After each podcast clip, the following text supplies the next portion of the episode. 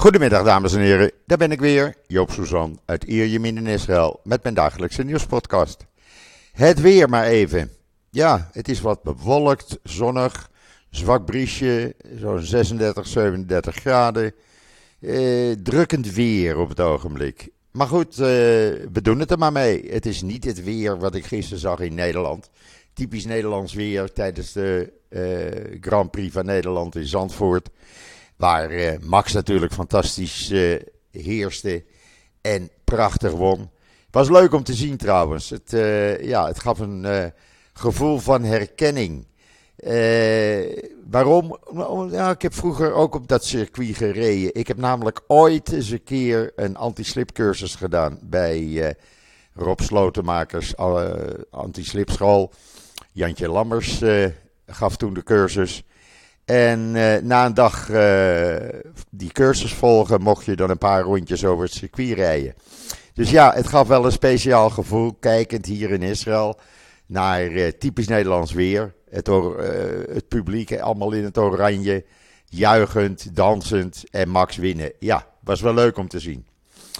Maar goed, we gaan even over naar het nieuws van Israël, want er is weer van alles en nog wat aan de hand. Allereerst Israelnieuws.nl. De testvluchten met de Oron, 's werelds meest geavanceerde spionagevliegtuig, zijn twee jaar na de aanschaf van het vliegtuig en het installeren van alle apparatuur zijn die begonnen. Het hele verhaal plus een video over de Oron kan je zien in israelnieuws.nl. Waar je ook kan lezen dat de IDF zondagavond 16 gezochte uh, terreurverdachten heeft gearresteerd. Ook daar zit een uh, videootje bij. Uh, en verder kan je natuurlijk vanmorgen zien dat, uh, in lezen in israelnieuws.nl, dat de IDF als eerste het initiatief leidt met home biogas. Met andere woorden, organisch afval omzetten in hernieuwbare energie. Dat is een project van de IDF. Die leidt dat. Die is mee begonnen met keukenafval. Uh, ja, daar hebben ze natuurlijk een heleboel van. En uh, op die manier uh, proberen ze het weer ja, te herwinnen, laten we het zo maar zeggen. Ja, en dan hier in Israël, wat is er aan de hand? Nou, gisteravond kwam naar buiten dat de Israëlische minister van Buitenlandse Zaken, Eli Cohen, had een ontmoeting in Rome gehad, uh, niet zo lang geleden, met zijn Libische collega Na Naila Mangous. Uh, uh, dat was gearrangeerd door Italiaanse diplomaten. Hij heeft een uur met haar gesproken. En ja, dat had hij beter maar voor zich kunnen houden. Maar meneer Eli Cohen, ja, zoveel heeft hij nog niet gedaan tot nu toe buiten het maken van erg veel reizen. Uh, meneer Cohen wilde laten zien waarschijnlijk dat hij heel belangrijk is. En die bracht dat naar buiten. Nou, iedereen natuurlijk uh, verrast en uh, verwonderd. Het blijkt volgens verschillende artikelen trouwens dat er al jarenlang, eigenlijk zo'n jaar of zes, contacten zijn in andere landen met, ja, laten we zeggen, officials uit Libië, en officials uit Israël. En daar wordt van alles en nog wat uh, besproken. En dat ge gebeurt in alle geheimzinnigheid. En dat is goed ook, want dat ligt natuurlijk gevoelig. Uh, dus, dat, dus dat is al jaren aan de gang. Maar goed, meneer Eli Cohen uh, die zegt, of die wou laten blijken, dat hij heel belangrijk is. En wat is er gebeurd? die minister van Buitenlandse Zaken in Libië, die werd geschorst. En niet alleen werd ze geschorst, maar volgens de laatste berichten is ze het land uitgevlucht. Die wilde niet het risico lopen in de gevangenis terecht te komen. Ze is waarschijnlijk naar Turkije gegaan. Uh, of uh, uh, naar Egypte, maar men denkt toch Turkije dat ze vandaar uh, de Europese Unie ingaat in een van de landen asiel zoekt misschien. In ieder geval, uh, zij is gevlucht doordat meneer Eli Cohen alles naar buiten bracht. En daar zegt Lapid heel terecht, uh, kan Israël na dit debakel nog wel vertrouwd worden? Want buitenlandse diplomaten die zien nu wat ze aan meneer Eli Cohen hebben. Dat hij ja, dingen naar buiten brengt die je beter niet naar buiten kan brengen. Gaat men dan nog gevoelige onderwerpen met meneer Eli Cohen bespreken? Uh, ja, hij zegt dat in de Jeruzalem Post. En ik vind eigenlijk dat hij daar wel gelijk aan heeft. Sommige dingen moet je niet naar buiten brengen, die moet je gewoon voor je houden. Uh, en helemaal als het om Libië gaat, dat is natuurlijk een, uh, een land waar we, ja, nou niet echt uh, vrienden mee zijn, mag ik het zo zeggen. dus dat kan je beter maar voor je houden. Maar goed, het is allemaal gebeurd. Het hele verhaal is naar buiten gebracht. En we hebben de poppen aan het dansen. ja, eens kijken wat Netanyahu hierover gaat zeggen. Die was nooit zo in zijn tijd. Maar goed, we hebben een ander probleem. Er is een lid van de partij van meneer Ben Gwier, ene meneer uh, Zika Vogel. Zwika Vogel heet hij. Meneer Zwika Vogel, die staat, uh, ja, uh, die wordt verdacht van fraude en oplichting, corruptie. Die wordt, daar is een onderzoek naar gaande. En meneer Zwika Vogel, die dus eh, dankzij meneer Ben-Gvir in de Knesset is gekomen dit jaar, die zegt eh, in een interview dat de procureur-generaal, mevrouw Gali Baharf Mira, een existentiële bedreiging voor Israël en het Joodse volk is. Uh, haar taak is, zegt hij, om ons te adviseren en te vertellen wat we wel kunnen doen en wat we niet kunnen doen. Maar zegt hij tot nu toe: het enige wat ik van haar gehoord heb, is wat we niet mogen doen. En dat is een gevaar voor het Joodse volk en ze kan maar beter verdwijnen. Of die man dat nou zegt uit dommigheid of uit kwaadheid, dat hij op het punt staat in een strafzaak terecht te komen, ik weet het niet. Maar het toont even het niveau van uh, parlementsleden hier in Israël. Want dit soort dingen zeg je gewoon niet. Maar goed, hij, uh, ook hij vond dat hij zich uh, op deze manier moest gaan uiten. En dan hadden we nog een andere minister, uh, de minister van Erfgoed. Ik heb daar nog nooit van gehoord. Amichai, Amichai Eliyahu. die vergelijkt de Palestijnen met gevangenen. En die vindt dat Ben Gwier volledig in zijn recht staat en gelijk heeft. Door te zeggen dat zijn uh, en het leven van zijn vrouw uh, en de bewegingsvrijheid van zijn vrouw en kinderen belangrijker is dan dat van Palestijnen. Uh, en hij zegt, deze minister, ik vergelijk de Palestijnen met iemand die in de gevangenis zit daar trek je ook de burgerrechten van in. Uh, en daar kan de rest van de samenleving beter leven. Ja, dat is het niveau van onze politici. En ik verzin het niet, het staat in de Times of Israel onder andere. Ik weet niet wat ik hiermee aan moet. Maar als ik mij op deze manier dan uh, uit, als ik dit naar buiten breng, word ik weer aangevallen door Nederlandse Joden die hier in Israël wonen die waarschijnlijk erg uh, veel fans zijn van uh, deze regering. En vinden dat ik beter mijn mond kan houden en dit soort dingen niet naar buiten moet brengen. Nou, ik vind dat het mijn taak is om naar buiten te brengen wat er hier gaande is. En daar ga ik niet mooier over doen.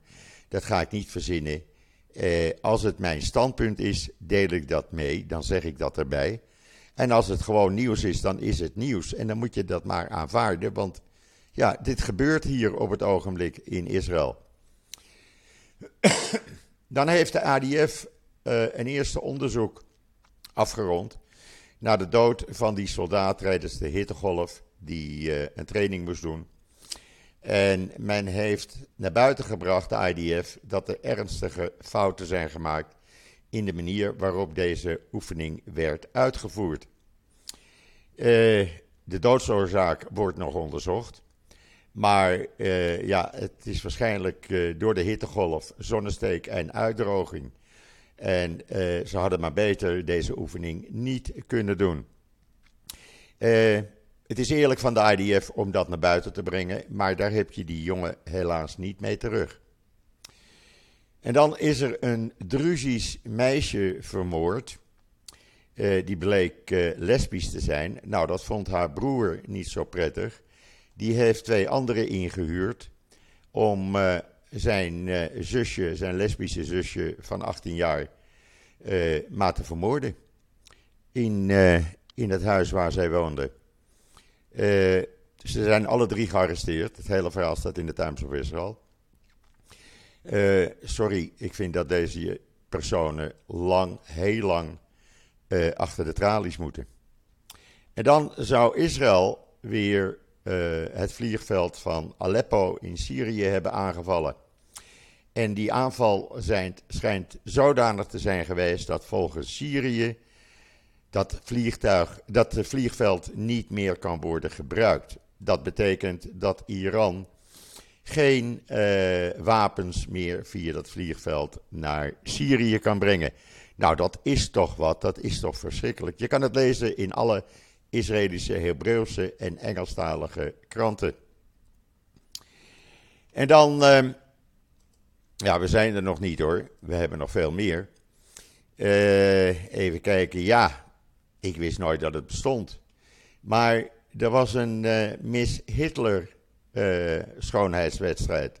Kan je dat geloven? Jawel. en een vrouw van 42 uit Oxford, die heeft die online schoonheidswedstrijd, de Miss Hitler schoonheidswedstrijd, gewonnen. Simon Wiesenthal Centrum kwam daarmee. En die heeft deze dame ook ontmaskerd. Dat is de 42-jarige Sarah Mountford. En die, mag zich, die deed mee onder het mom Miss Aryan Arische uh, Engel. Ja, uh, ik heb hier geen woorden voor. Ik ga er een beetje van over mijn nek. Uh, maar goed, Israël had al vier helikopters besteld van het type Lockheed Martin CH-53K. Uh, die worden binnenkort afgeleverd. Maar men heeft er nog eens een keer acht bij besteld. Dat zijn hele grote speciale helikopters. En die deal, die, uh, 12 helikopters.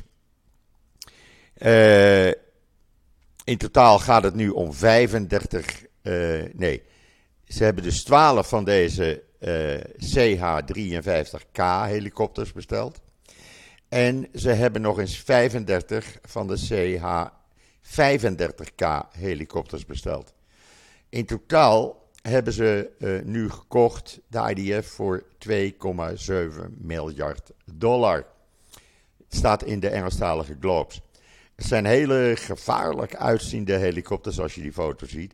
Ik heb ook even gekeken naar video, kan je op uh, YouTube vinden.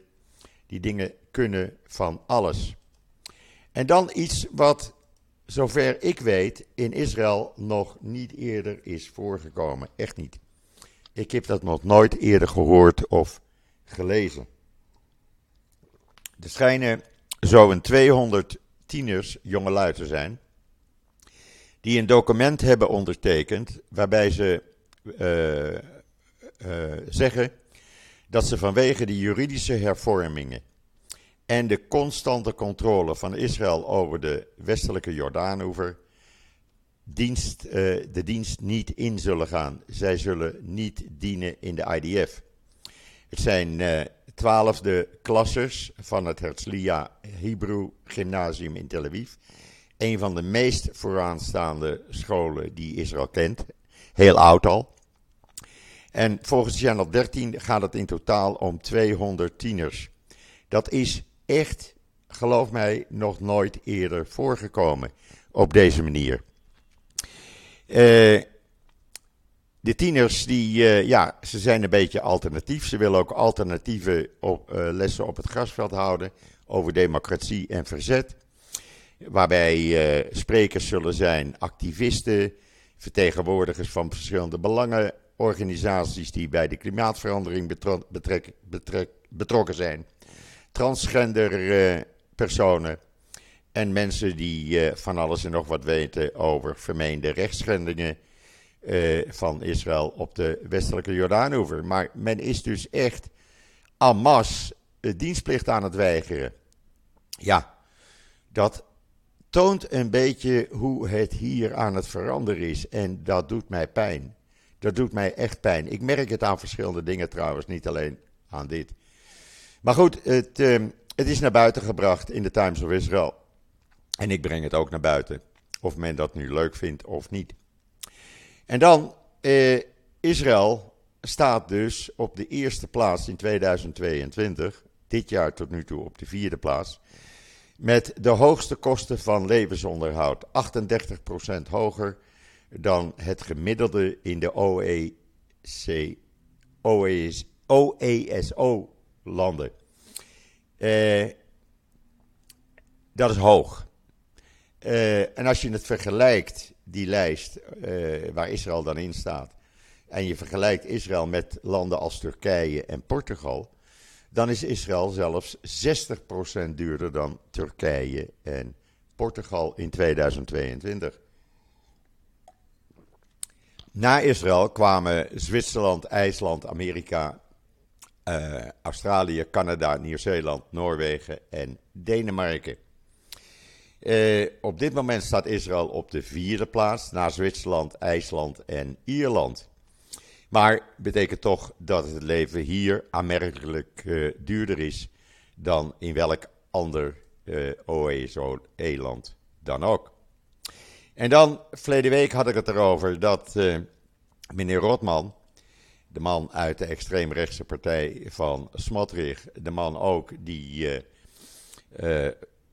probeert die juridische hervormingen erdoor te drukken, want hij is voorzitter van die commissie. Die had gevraagd om een straatverbod tegen demonstranten. Want hij vindt het niet zo leuk dat er gedemonstreerd wordt overal waar hij gaat of staat. Toen had de rechter verleden week al gezegd van, uh, ja, had je maar geen publiek uh, figuur moeten worden. Want dan weet je, dan loop je het risico dat je kritiek hebt en dat er tegen je gedemonstreerd wordt. Nou, de rechter heeft gisteren uitspraak gedaan. En die heeft gezegd dat uh, er mag gedemonstreerd worden in zijn buurt. Maar uh, de demonstranten moeten zich aan onthouden van demonstraties als de kinderen van Smotrich in de buurt zijn. Uh, of als hij met zijn familie op vakantie is. En ze mogen ook geen foto's of video's maken van minderjarigen. Maar voor de rest, jongens en meiden, gaan jullie maar lekker demonstreren waar minister Smotrich alleen is. Uh, want dat mag, dat is de vrijheid van meningsuiting. En dan gisteravond was er een uh, protest uh, bij de legerbasis, waar verleden week vrouwelijke soldaten werden gedwongen te stoppen met zingen in de keuken. Want er waren orthodoxe soldaten in de buurt en die kunnen er niet tegen als meisjes aan het zingen zijn. Tegenwoordig heb je dus zo een groep demonstranten bij elkaar. Gisteravond waren dat er ruim duizend die naar die uh, basis zijn gegaan. En wat heel bijzonder was, Mary Aloni, de vrouw die ooit met Rabin, minuten voordat hij werd vermoord, stond te zingen. Mary Aloni is nu 80 jaar, zit in een rolstoel, maar ze kan nog zingen gelukkig. En ze zong. En dat deed mij wel wat. Echt mensen, het deed mij wel wat. Ik vond het heel speciaal. Ik heb het op Twitter gezet, het videootje. Uh, daar kan je het uh, zien. Misschien is het ook op Facebook te zien, ik weet het niet. Ik heb in ieder geval op Twitter gezet. Kan je even horen hoe zij zingt. En ja, dat deed ze nog uit volle borst, om het zo maar te noemen. En ze zong inderdaad hetzelfde lied als wat ze zong met Rabin minuten voordat hij werd vermoord. Heel bijzonder allemaal. Eh, maar goed, er gebeuren alleen maar eh, bijzondere dingen op dit moment in Israël. Dus wat dat betreft, ja, elke dag is er wel iets waarvan je opkijkt. En dan, Er zal een Palestijnse delegatie naar Saudi-Arabië gaan om uh, met de Saoedi's de eisen vast te stellen voor het geval de Saoedi's uh, met Israël uh, diplomatieke banden zouden aangaan. Daar, moet de, daar moeten de Palestijnen dan onderdeel van zijn. Er moet in ieder geval, als er een normalisatieovereenkomst wordt getekend, moeten er ook dingen voor de Palestijnen in het vat zitten. Dat gaan ze bespreken met de Saoedi's. Ik weet niet wat daar uitkomt, maar ik laat het jullie wel weten. Eh, meneer Abbas, eh, ja, die eh, vindt zich ook belangrijk. En dan had meneer Zelensky gezegd: de Oekraïners, de Oekraïnse bevolking, die moet maar een voorbeeld nemen aan Israël en leren leven met een conflict. Nou, als je zo denkt, dan ben je er makkelijk vanaf. Staat in de Times of Israel. Hij, hij zei heel duidelijk: uh, Israël leeft al uh, jarenlang in een conflict situatie met zijn buren. nou ja, laten wij daar maar van leren. dat je dan ook kan, kan leven op een normale manier. Want Israël is al jarenlang in oorlog met een aantal van zijn buren. En leeft nog steeds. Dus jullie moeten er maar aan wennen. Staat in de Times of Israel. En dan eindelijk, gisteren was er een uh, bijeenkomst georganiseerd door het hoofd van de Shin Bet en Arabische burgemeesters en bestuurders. En daar was ook uh, Smotrich bij uitgenodigd, die kwam. Benkwier was uitgenodigd, die kwam niet. Die uh, wil niet met Arabieren zitten, waarschijnlijk. In ieder geval, hij kwam niet. En na urenlang vergaderen zijn ze tot een overeenstemming gekomen en gaat Smotrich eindelijk die 53 miljoen dollar, oftewel 200 miljoen shekel, vrijmaken. En onder voorwaarden naar de Arabische dorpen en steden overdragen. Daar wordt wel een mechanisme uh, voor opgezet, want hij gaat er nog steeds vanuit dat een gedeelte van dat geld gebruikt gaat worden voor terreur. En dat wil hij controleren. Nou, daar komt een soort uh, uh, mechanisme voor. En dan zou uh, het zeker zijn dat Smotterig, Smotterig rustig kan gaan slapen, want dan gaat het niet naar terreur toe. Ook weer een probleem minder. En dan, ja, is er weer iets heel raars aan de hand. We hebben een minister voor de pers, die moet de PR van Israël regelen dat is mevrouw Galit Distal Atbarian. Nooit dat ze dat ooit gedaan heeft sinds januari. Maar goed, ze heeft dus uh, in der tijd met veel uh, bombarie, want het was zo'n fantastisch iemand. En uh, deze vrouw, nou, een betere directeur voor mijn ministerie kan ik niet vinden. Dr. Gali Sambira die is de beste, die moet directeur van mijn ministerie worden. Nou, die is toen ook directeur geworden, vier maanden geleden. En nu zegt ze, ik ga haar ontslaan. Eigenlijk is ze ontslagen, want ik ben ontevreden over haar professionele prestaties. Punt. Wat blijkt, een aantal Likud-leden hebben bij haar aangedrongen van uh, deze dame moet je ontslaan. Want ze is niet alleen lesbisch, ja, luister goed, maar ze is ook links. En je kan geen linkse directeur van je ministerie hebben.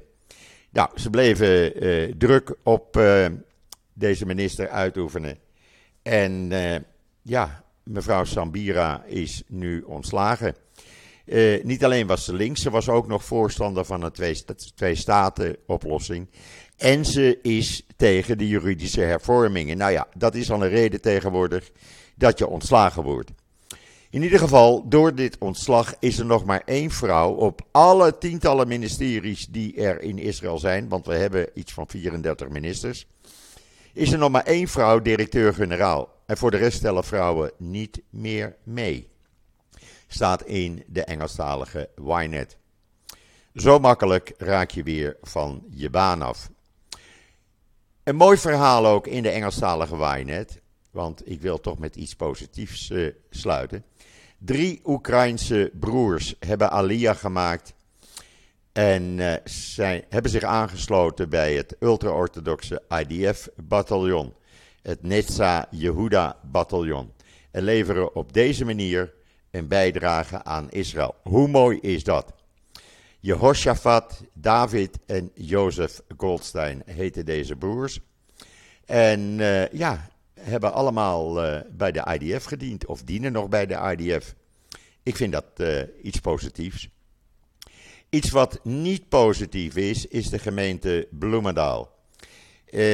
ik kreeg een tweet opgestuurd van een gemeenteraadslid in de gemeente Bloemendaal, onafhankelijk, Rob Sleeuwen. En Rob Sleeuwen had een tweet gisteren naar buiten gebracht. Waaruit blijkt dat het college van de gemeente Bloemendaal, waar Aardenhout onder valt, jawel, Aardenhout, geen toestemming geeft voor het plaatsen van stolpersteinen. Stolpersteinen zijn uh, herinneringssteentjes die voor een huis worden gelegd waar Joden hebben gewoond die vermoord zijn door de nazi's.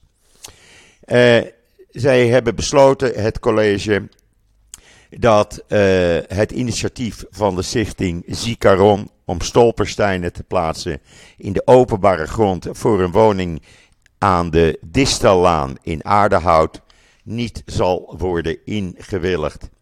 Het alternatieve voorstel van diezelfde stichting om die stolpersteinen te plaatsen dan in openbare grond aan de overzijde van de weg zal ook niet worden ingewilligd. Uh, men gaat uh, de stichting uh, daarover informeren. De eigenaren en bewoners van die woningen aan de overzijde en van de woning waar het om gaat, aan de Distallaan, zullen ook van dit besluit op de hoogte worden gebracht. Ik vind dit een kwalijke zaak. En ik heb gisteren een oproep gedaan aan iedereen. Mijn tweet hierover. Uh, deel hem. Zodat het college of de gemeente Bloemendaal weet dat dit niet kan. Dan kan je wel zeggen, ja, maar dan krijg je die mensen voor je huis. Uh, en dan uh, gaan ze allemaal door de ramen turen. Nou, ik heb daar nog nooit klachten over gehoord. Er wordt uh, in bijna alle gevallen met respect omgegaan met plekken waar deze stenen zijn gelegd. En dat de gemeente Bloemendaal niet wil dat er in Erdenhout stolpersteinen komen.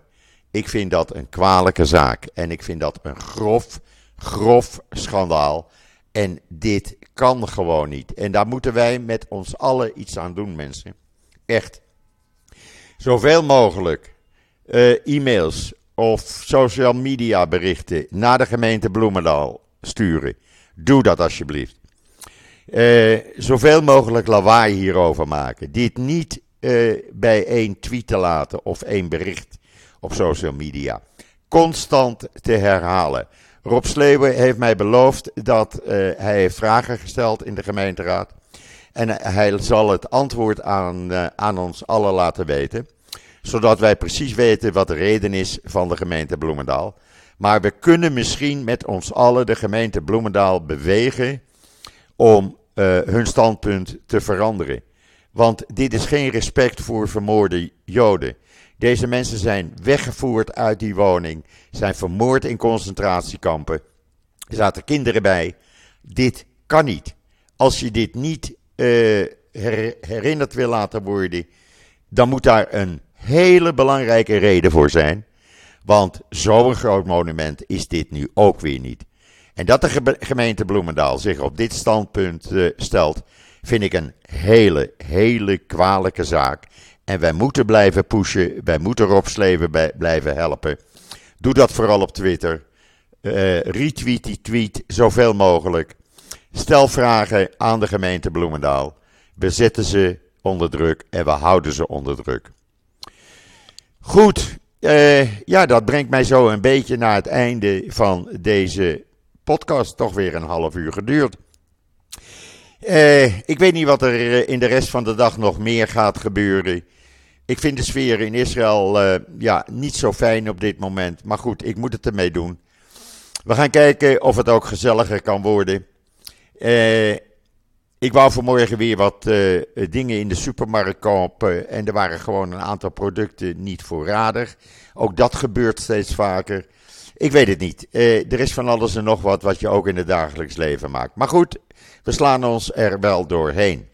Het brengt mij tot het einde van deze podcast. Ik wens iedereen een uh, hele fijne voortzetting van deze maandag, de 28 augustus. Ik ben er morgen weer en zeg zoals altijd: tot ziens, tot morgen.